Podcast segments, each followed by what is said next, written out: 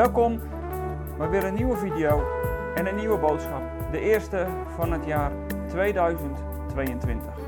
Nieuwjaarsdag en direct een nieuwe video. Nou ja, als je naar de achtergrond kijkt, dan zie je wel dat er sinds vorige week niet heel veel veranderd is. Dus natuurlijk heb ik die achter elkaar opgenomen. Het zou ook een tweeluik van bemoediging zijn, dat had ik je al beloofd. Dus uh, in eerste plaats wens ik je vanaf deze plaats van harte God zegen toe voor het nieuwe jaar. Maar ik wil je ook een bemoediging meegeven. Mijn naam is Theo de Koning van eindeloosgelukkig.nl en bij Eindeloos Gelukkig hebben we het grote en intense verlangen dat elke gelovige een discipel van Jezus zal zijn die in alles zijn meester wil volgen. En voor deze keer wil ik je nog een keer bemoedigen op weg naar het nieuwe jaar. Vorige keer hebben we stilgestaan bij het kindschap, waar kind mogen zijn door het werk wat Jezus vanaf die kribben kwam doen, daar waar de schepper van hemel en aarde in die voerbak lag. Maar ik wil je vandaag een psalm meegeven, die is overbekend en toch ook weer niet. Tenminste, hij is wel echt overbekend. Maar ik ontdekte in die psalm, terwijl ik gewoon volgens mij buiten liep, ontdekte ik ineens wat één zinnetje uit die psalm betekende. En ik heb dat zinnetje nooit goed begrepen. En op de een of andere manier begreep ik hem ineens. Zag ik ineens de lijn die daarin lag. Een hele bekende psalm, en daar ga ik je mee bemoedigen. Het is een hoopvolle psalm. Juist ook in de tijd waarin we nu leven, hebben we die als kerk denk ik heel erg hard nodig. En daarom wil ik je ook heel graag deze psalm meegeven. Psalm 121. Voor velen een emotionele psalm. Voor velen een psalm van begrafenissen, van huwelijken, van nou ja, bijzondere momenten in je leven. En ik zal je zo dadelijk wel uitleggen waarom dat ik deze psalm nou zo bijzonder vind. Want het heeft namelijk met één zinnetje te maken. Maar ik moet de psalm ook een klein beetje even in zijn context voor je zetten. En dat ga ik ook even doen.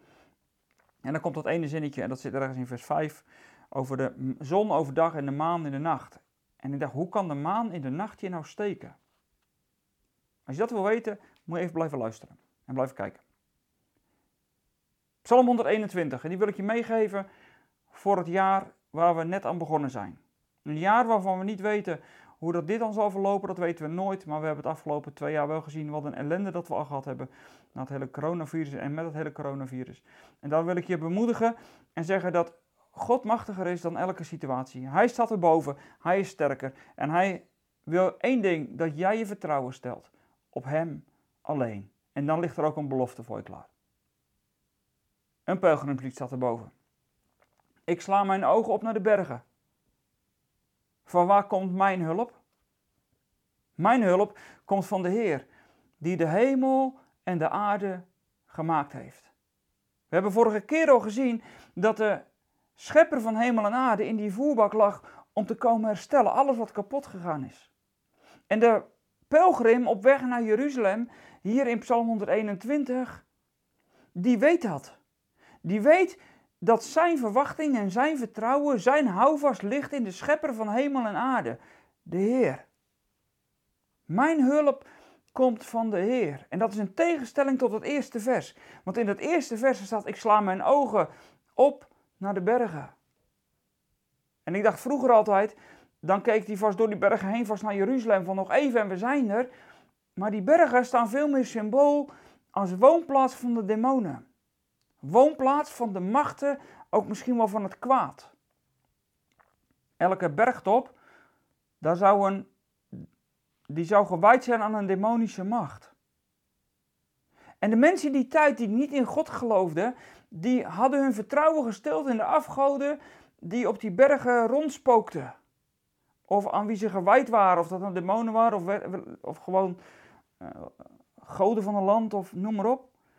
Maar die, die, die heidense volken om die pelgrim heen, die keken naar de bergen, want daar verwachten zij hun hulp vandaan. Want dat was de berg van die God en dat was de berg van die God. En uiteindelijk waren het allemaal demonische machten.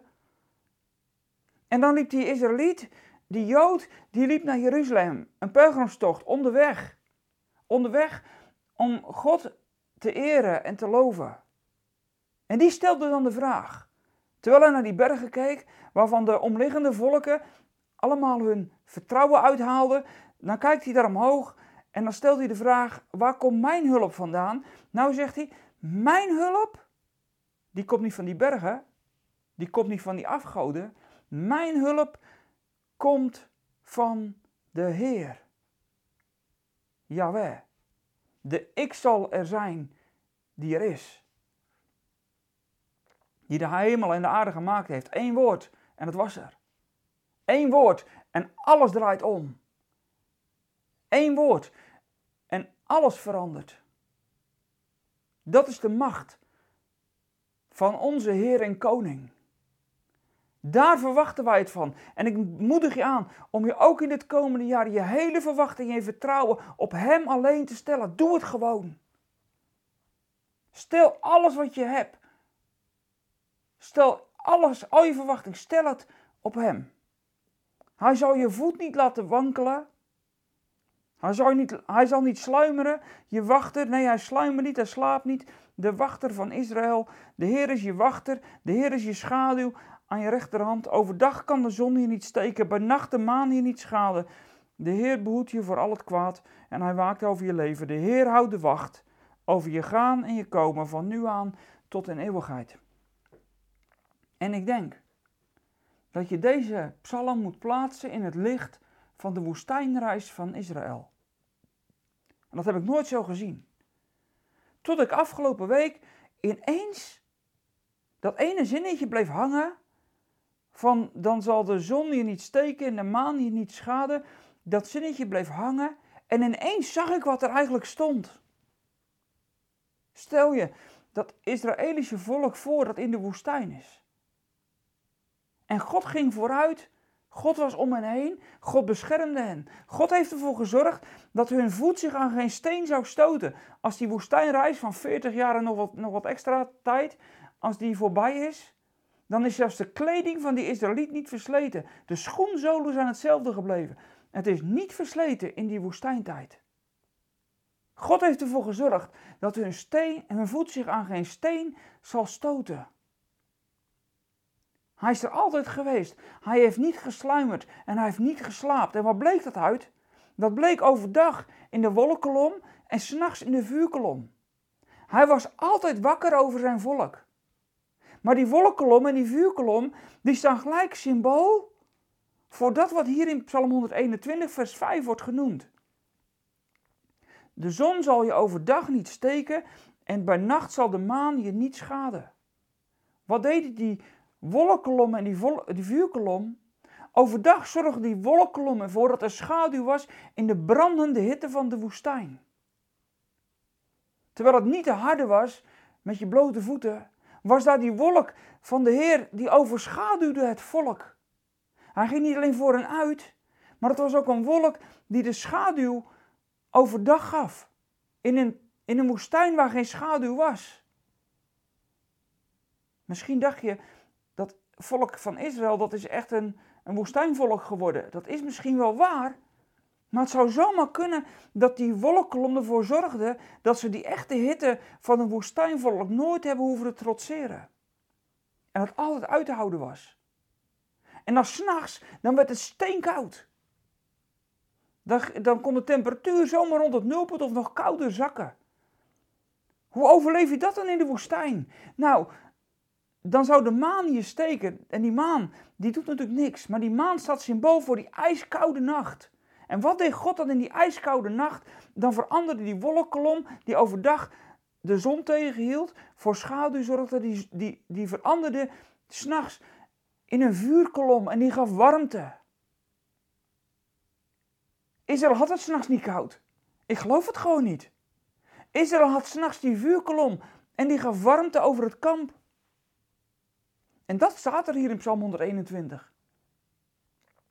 Die hele Psalm 121 maakt duidelijk dat God hen altijd nabij is geweest en dat God er altijd voor gezorgd heeft dat ze elk moment beschermd waren.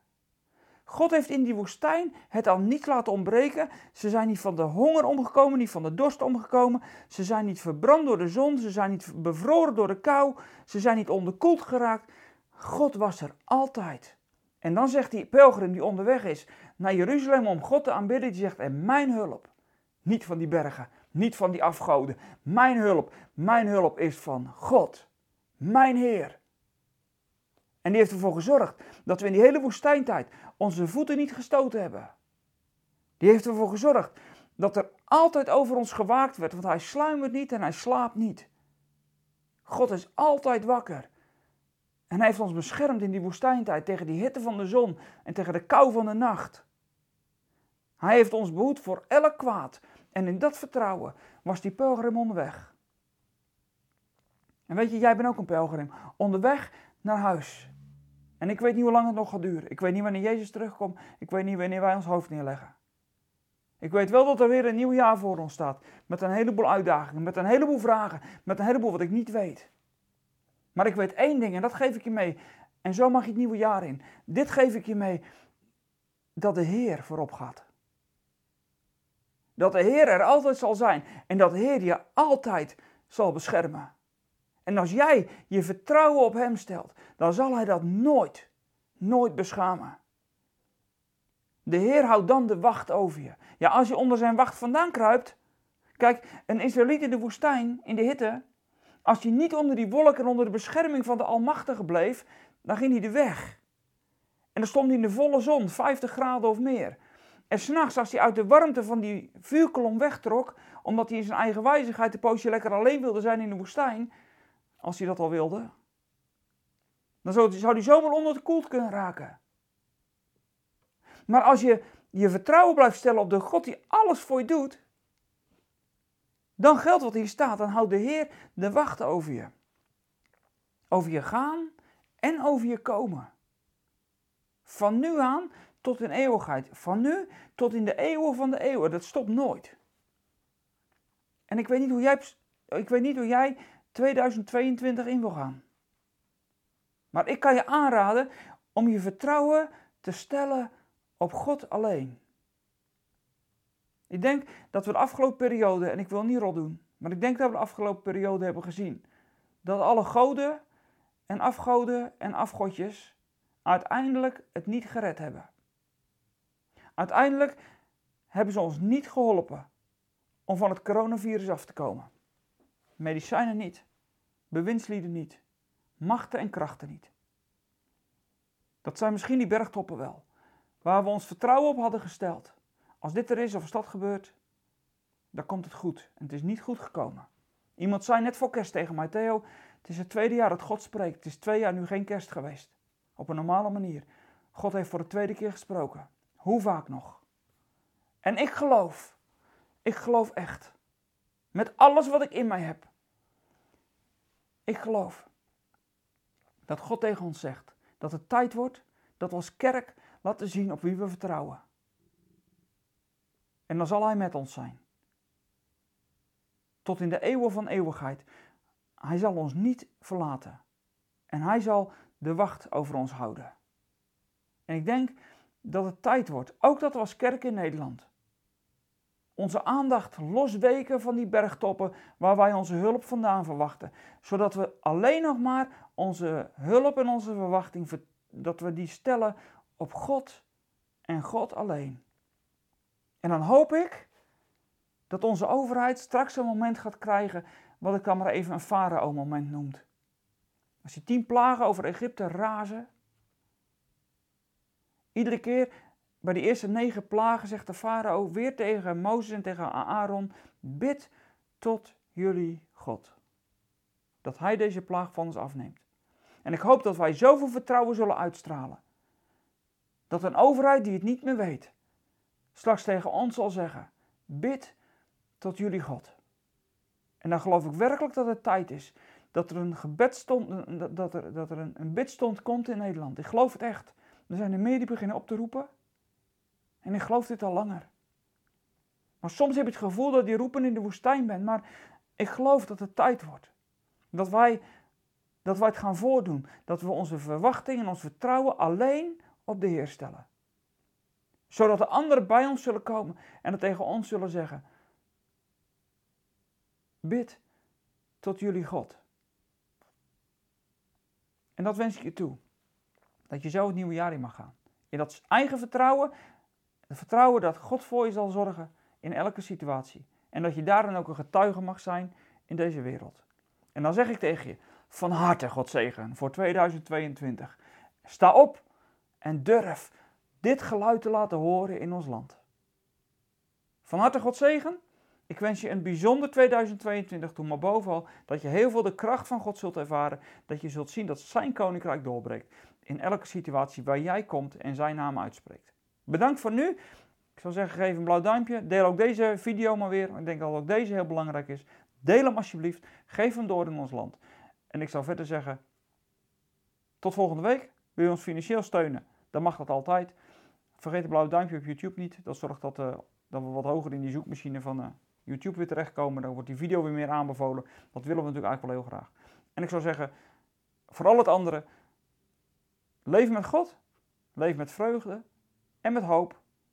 En kijk uit naar die tijd dat je in het eeuwige Jeruzalem mag zijn. En ondertussen kijk je naar die bergen om je heen en denk je van ja, daar hoef ik mijn vertrouwen niet op te stellen. Ik stel mijn vertrouwen op de Heer alleen. Dat is zo. En dat zij zo. Ik zou zeggen, tot volgende week.